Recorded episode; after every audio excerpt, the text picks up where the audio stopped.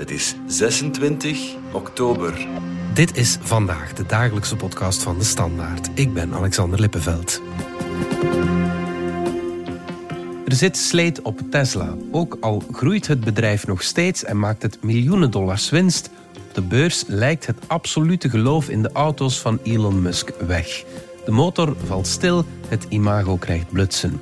Ligt het aan de strapatsen van Elon Musk of aan de toegenomen concurrentie? Of is Tesla op technologisch vlak gewoon niet vernieuwend genoeg meer? Collega Bart Tobbelare praat erover met economieredacteur Stijn de Kok.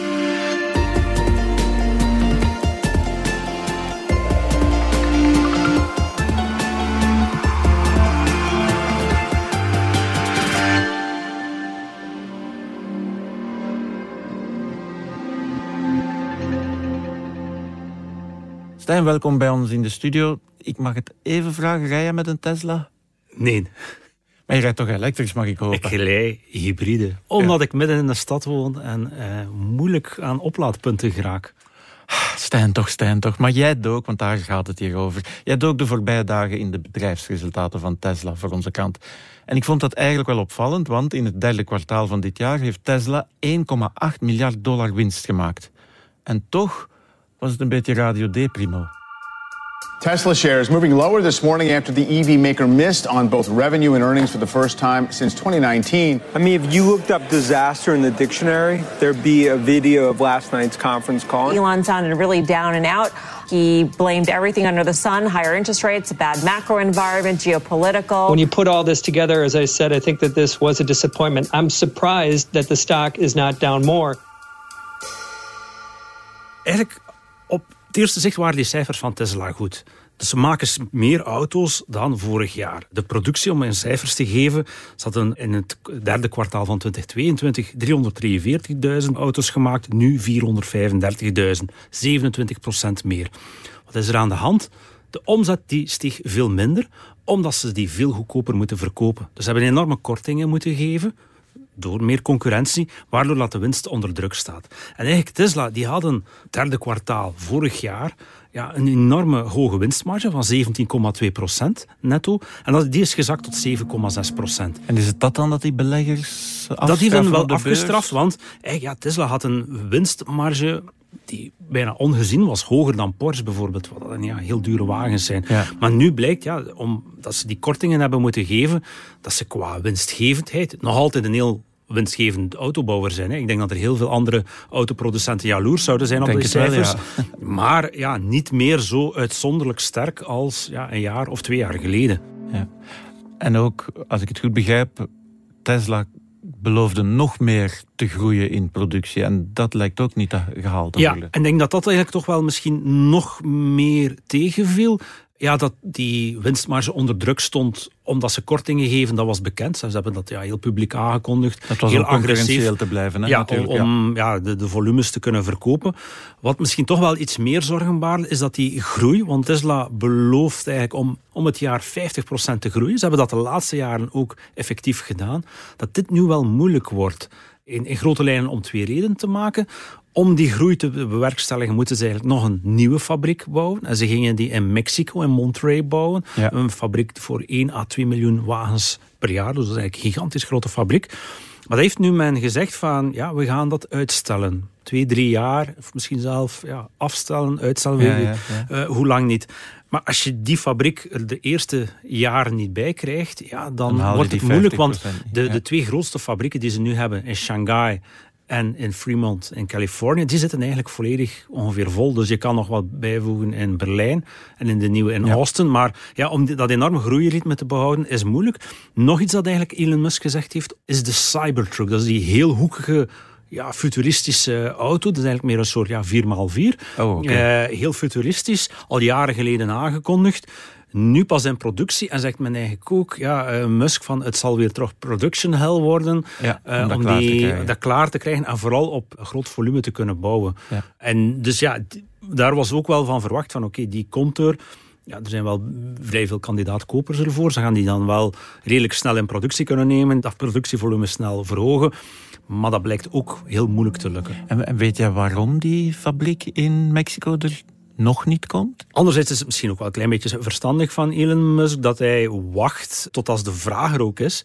Omdat je anders het risico, denk ik, dat ze een schrik hebben van ja, als we die fabriek daar hebben en we hebben dan opeens capaciteit voor 4, 5 miljoen Mhm. auto's te bouwen. Ja. Maar als je er dan maar 3 miljoen verkoopt, ja, dan heb je een niet, eh, probleem. En dus is het misschien wel eh, niet zo onverstandig om uw productiecapaciteit, die eigenlijk de voorbije jaren, ze hebben de voorbije jaren drie megafactories gebouwd, gigantische fabrieken, ja, dat een beetje ja, in overeenstemming te brengen met, met de evolutie van de vraag. Maar dat betekent wel toch dat je ergens verwacht dat die vraag niet zo gigantisch gaat toenemen, terwijl ja, Musk al een paar keer gezegd heeft dat hij in 2030 20 miljoen wagens per jaar Ja. wil bouwen. Dubbel zoveel als Toyota. En de beursbeleggers, die hadden de neiging van Musk daar te daar geloven. toch voor een stuk in te geloven. Ja. Die beurskoers, en die is nog altijd fabuleus hoog. Ja. hè. Dus Ja. 660 miljard dollar is dat bedrijf waard. Dat is meer dan ongeveer alle belangrijke autospelers samen. Bijvoorbeeld Volkswagen roept 50 miljard en maakt vier keer zoveel auto's als Dat Tesla. Ja. Dus eigenlijk zitten daar drie grote verwachtingen in. Die groei gigantisch gaat zijn.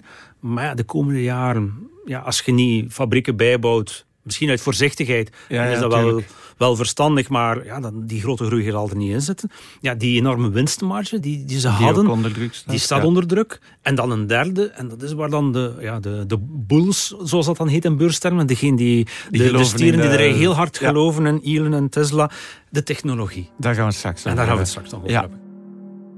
Want jij schreef, en dat vond ik wel een opvallend zinnetje, Tesla is een beetje een gewone autobouwer aan het worden. Als je de cijfers bekijkt, toch wel wat. En eigenlijk ook in waar ze nu succes mee hebben. Want de cijfers waren misschien niet helemaal zoals ze verwacht waren. Anderzijds, bijvoorbeeld in België, het meest populaire en best verkochte model op dit moment is de Model I van Tesla. Dus die Model I, dat is eigenlijk een En het meest verkocht vergeleken met andere elektrische wagens? Of Algemeen. Model, hè? maar dat betekent niet dat Tesla de best verkopende... Nee. Ja, eh, Volkswagen heeft gewoon veel meer Veel meer modellen. ja, BMW verkoopt veel meer modellen. Maar dat Model I, dat verkoopt gigantisch goed. Ja. Dus dat is een soort ja, elektrische middenklassewagen. Waar ze nu eigenlijk ook ja, gemiddelde winsten opboeken. En die eigenlijk ja, ook nu niet zo technologisch, zo revolutionair is. Dus dat is een goede auto. Die is misschien zelf qua technologie een beetje voor. eh, misschien iets meer kilometers op een batterij dan concurrenten. Maar dat is ook geen revolutionaire Ja. auto meer. Dus waardoor dat ze, ja, als ze het daar vooral van moeten hebben, zijn een beetje een gemiddelde autobouwer geworden. Wel jammer voor Elon, want ja, hij had toch de hipste auto's die er te koop zijn. En dat is misschien ook wel wat, wat speelt als je die cijfers bekijkt. Dus ja, een aantal auto's heel sterk gestegen, ge- eh, geproduceerde en verkochte auto's. Behalve eigenlijk in de Model S en de Model X. En dat zijn eigenlijk net de twee duurste auto's van Tesla. Ja. Die kosten meer dan 100.000 euro. Oké. En eigenlijk, ja, zeker de Model S, daar is het een beetje allemaal mee begonnen. Hè. Dat is eigenlijk de tweede wagen die ze gebouwd hebben, maar het eerste ja, op wat grotere schaal. En ja, eh, vijf à tien jaar geleden, het was enorm hip. Als je ergens bij een bedrijf kwam en, en de bedrijfsparking en de CEO, Die had met er Tesla, eentje, ja, ja. Dan, dan wist je, dit bedrijf heeft visie, dit bedrijf ziet de veranderingen in de wereld. Dat, dat, Kijk enorm wij een dragen, Tesla, ja. ja, wij Ja. dragen bij tot de verandering. Eh, ja, Zo'n visionaire auto, dat zijn ze wat kwijt. Hè. Je kwijt. ziet ze steeds minder op dat soort evenementen. Het is niet meer een Tesla, de wagen waarin... statussymbool eigenlijk, ja, je de status is een beetje ervan af, omdat ja. elektrisch rijden al veel algemener is geworden. Dat de technologie, ja, die Model S, dat was eigenlijk wel een enorme revolutionaire wagen als je terugkijkt. Dat, wa- wat, ik- Ja. Wat ze daar eigenlijk al ingestopt hadden op, dat moment, dat was wel heel spectaculair. Ja, de nieuwe auto's die Tesla verkoopt, die zijn wel nog ook altijd ja, Ja. die edge, maar, maar ja, Niet meer zo... als je ook de nieuwste. BMW's bekijkt, ja, die kunnen ook wel een die, kunnen, zijn ook geen. eh, Heeft dat nu ook te maken met de manier waarop Elon Musk tegenwoordig in het nieuws komt? SpaceX founder Elon Musk sent a surprising message to Russian President Vladimir Putin. His tweet, partially in Russian, reads, quote, I hereby challenge Vladimir Putin to single combat. Stakes are Ukraine. He said he wants to erode the very fabric of civilization, and Soros hates humanity. Like, when you do something like that, do you Yeah, I think that's true. That's my opinion. Okay. Ik las eh, op internet ergens dat je nu ook stickers kunt kopen waar dan op staat. Dus voor, je, voor op je Tesla. I bought this car before Elon lost his mind. Dus dat je die auto hebt gekocht voordat Elon Musk gek begon te doen met Twitter. Allee, tegenwoordig X. Zou dat er iets mee kunnen te maken hebben met dat imago? Ik denk bij een aantal mensen wel. En eigenlijk toevallig ook wel een aantal mensen die ik zelf ken die een Tesla hebben, die daar misschien wel toch wel wat problemen Dus hebben. denken, uh... Ja, maar als je denk ik in grotere lijnen of op grotere schaal bekijkt, iets minder. Natuurlijk, hij, hij is ja, heel controversieel geworden bij een bepaald publiek. Een ander publiek stoort zich daar veel minder aan. ja. Uh, ja, als je die enorme verkoopstijging ziet in België, alleen van die Model I. Want wie koopt in België die elektrische auto's? Dat zijn allemaal de leasingmaatschappijen via leasing. Het is gewoon een mooie wagen. Uh, steeds meer leasingmaatschappijen verplichten om elektrisch, of, of wordt heel hard gestuurd, ook de fiscaliteit, richting elektrische wagens. Ja, dan is die Model I een aantrekkelijke wagen binnen een leasing. En vond- zie je dan veel mensen die zich daar niet aantrekken. Maar er zijn wel studies, ook Bloomberg. Bloomberg heeft een, een onderzoekje. moet En daar was gedaan, een 20 procent. Ja, 20% van, van de mensen lijkt zich toch wel te storen aan het imago Ja. van Musk. En daarom toch ja, Ja, die zeiden van we gaan geen Tesla meer kopen. En de om- hoofdreden is niet dat de reparaties te lang duren. De hoofdreden is niet dat eh, de auto niet doet wat hij moet doen. De, Ja. de hoofdreden was volgens dat kleine onderzoekje Elon imago. Musk. You know, do your tweets hurt the company? Are there Tesla owners who say, I don't agree with his political position because, and I know it because he shares so much? I'll say what I want to say, and if if if, uh, if the consequence of that is losing money, so be it. Bij een bepaald publiek zal het zeker spelen, maar in de ja, grote lijnen, ook bijvoorbeeld die Cybertruck. We dug our own grave with Cyber Cybertruck. It is going to be require immense work to reach volume production and be cash flow positive at a price that people can afford. Ja, dat is ook voor een nieuw segment. Denk ja, dat is echt een Amerikaanse wagen voor Ja, mensen die vroeger enkel alleen maar een- met, met een olieslurpende SUV op het eh, Amerikaanse zich- platteland. Ja. die gaan dan dit kopen en die zouden nooit een elektrische auto. Dus ik denk dat er misschien eerder een verschuiving zal zijn. Minder mensen in Californië en misschien meer mensen in Texas die nu. Tesla ook, want dat, dat vertelde je net, dat Tesla nu ja, zich moet richten op middenklassewagens. Op zich zou ik denken, dat is wel goed nieuws. Want de middenklasse is meestal iets talrijker dan de upper class, om het dan maar zo te zeggen. Wel, voor een autobouwer is dat wat dubbel. Als je middenklasse auto's maakt, en zeker de lagere klasse, dan zijn de marges veel lager. Ja, dus je kan niet zo de exorbitante ja, winst... en dat is denk ik ja. een, toch een gevaar waar dat Tesla een beetje tegenaan loopt. Als je kijkt naar de meest winstgevende autobouwers in Europa, dat is ja, BMW, Mercedes, Porsche. Dat zijn gewoon hogere marges in, in dat hogere genre, iets minder concurrentie. En dus ja, als je naar beneden gaat, kom je ja, veel meer concurrenten Want de tegen. concurrentie wordt wel groter, toch? De concurrentie wordt heel groot. eh, niet alleen van de traditionele autobouwers, die toch ook allemaal een segment hebben van elektrische wagens, die ook misschien sneller elektrische wagens lanceren. Want dat is eigenlijk ook wel een beetje een stilaan issue bij Tesla. Het is een zeer snel bedrijf. Ze produceren heel hard. Maar ze zijn wel vrij traag in het lanceren van nieuwe modellen. Dus ook die Model 3, Model S, die zijn eigenlijk al allemaal vrij oud. Ja, en ja, dan zie je wel de concurrenten toch snel, eh Sneller zelf ook bijvoorbeeld de Citroën, ja. die, die vorige week het nieuws bekend maakte om met een elektrische auto onder een 30.000 euro te komen. In Oost-Europa gemaakt, dus niet eens in Azië. Ja, dan zie je toch, die, de concurrentie zit niet stil.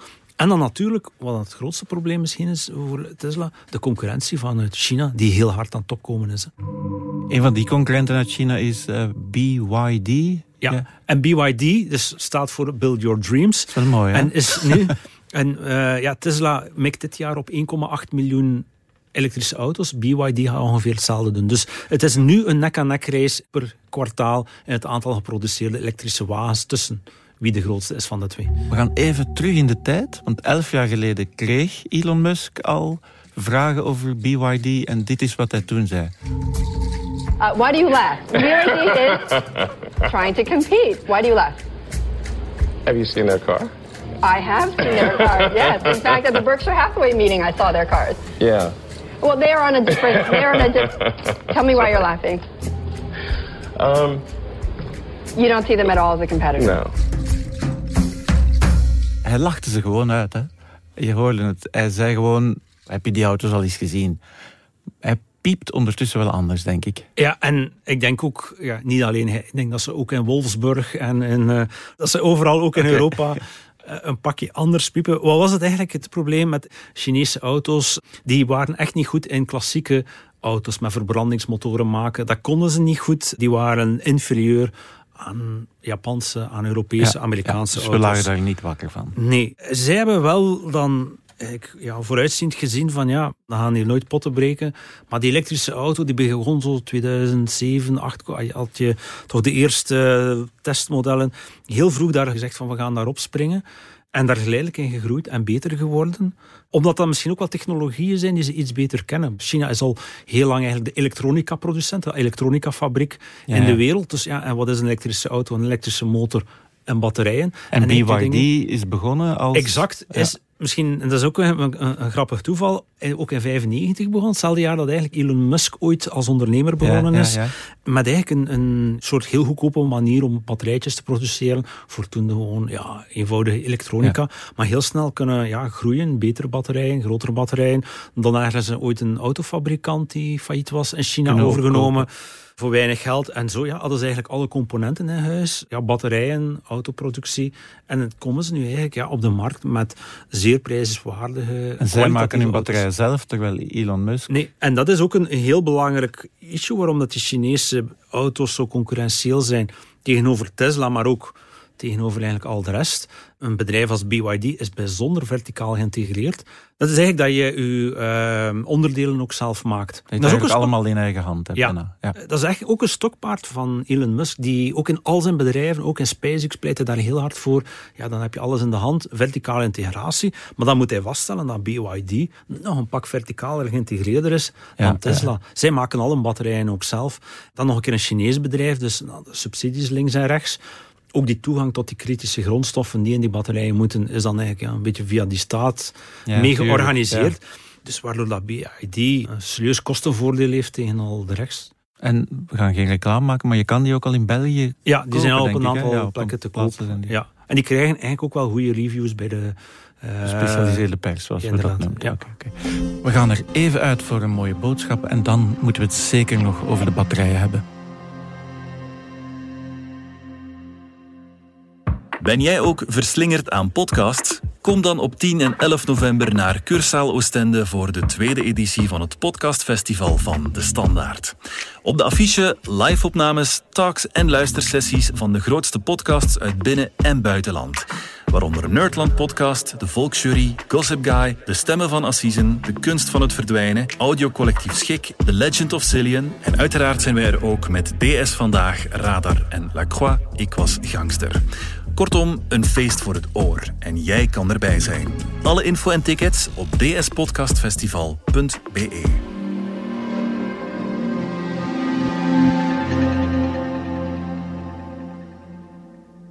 Stijn, we zijn terug bij jou. Dus BYD maakt die batterij zelf en dat kan Elon Musk nog niet. Hij kan dat wel. Eh, Hij heeft al een aantal batterijfabrieken. Een paar jaar geleden heeft hij het ook groot aangekondigd. Eh, was dan eh, was met heel veel poeha van de Battery Day. The sort of real main event here is Battery Day. So, I'm Drew Baglino, SVP of Powertrain and Energy Engineering at Tesla, and I'm incredibly excited to talk about what we've been doing at batteries here at Tesla. En dan wordt echt wel iedereen verwacht van ja, Tesla die gaat hier nu met een batterij komen, een technologie die, Die iedereen omverblaast, ja. omverblaast. Dat was eigenlijk niet. Dat was ja, een beetje beter dan een andere. Maar ook voor een goedkopere modellen die ze in China maken, kopen ze zelf ook de batterijen extern aan. Het zijn alleen nu de Amerikaanse auto's die Tesla-batterijen of batterijen van Panasonic, maar in een fabriek van Tesla gemaakt. Ja, terwijl een goede batterij is wel de essentie van een elektrische Ja. wagen. Want dat Wel, geeft ze hebben geen slechte- autonomie, dat geeft u... Ja. Ja. En er zit eigenlijk nog een mogelijk gevaar in.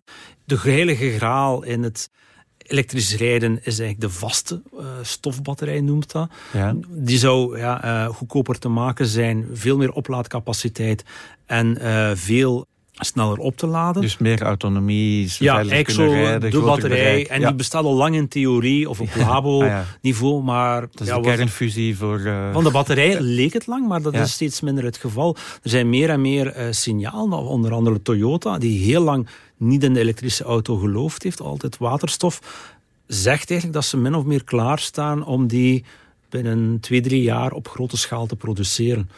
Dus ja, dan ga je daar ook als, als Tesla snel moeten kunnen ja, dan lijkt me de vernieuwing komt niet meer van Tesla. Of spring ik nu te ver? Ehm, de grote vraag waar iedereen nu denkt dat ze wel gaan proberen voorlopen, is eigenlijk alles wat self-driving is.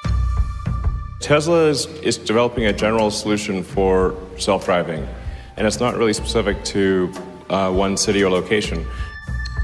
Dat Ja. is eigenlijk het nieuwe stokpaardje van Tesla. Die dat is geloven eigenlijk- nog altijd in het, eh, de zelfrijdende auto. Ja, en de robottaxi, zo, zo, ja. volgens een aantal Tesla Bulls, zoals dat dan heet, ja, het grote element zijn waarmee ze het grote verschil maken.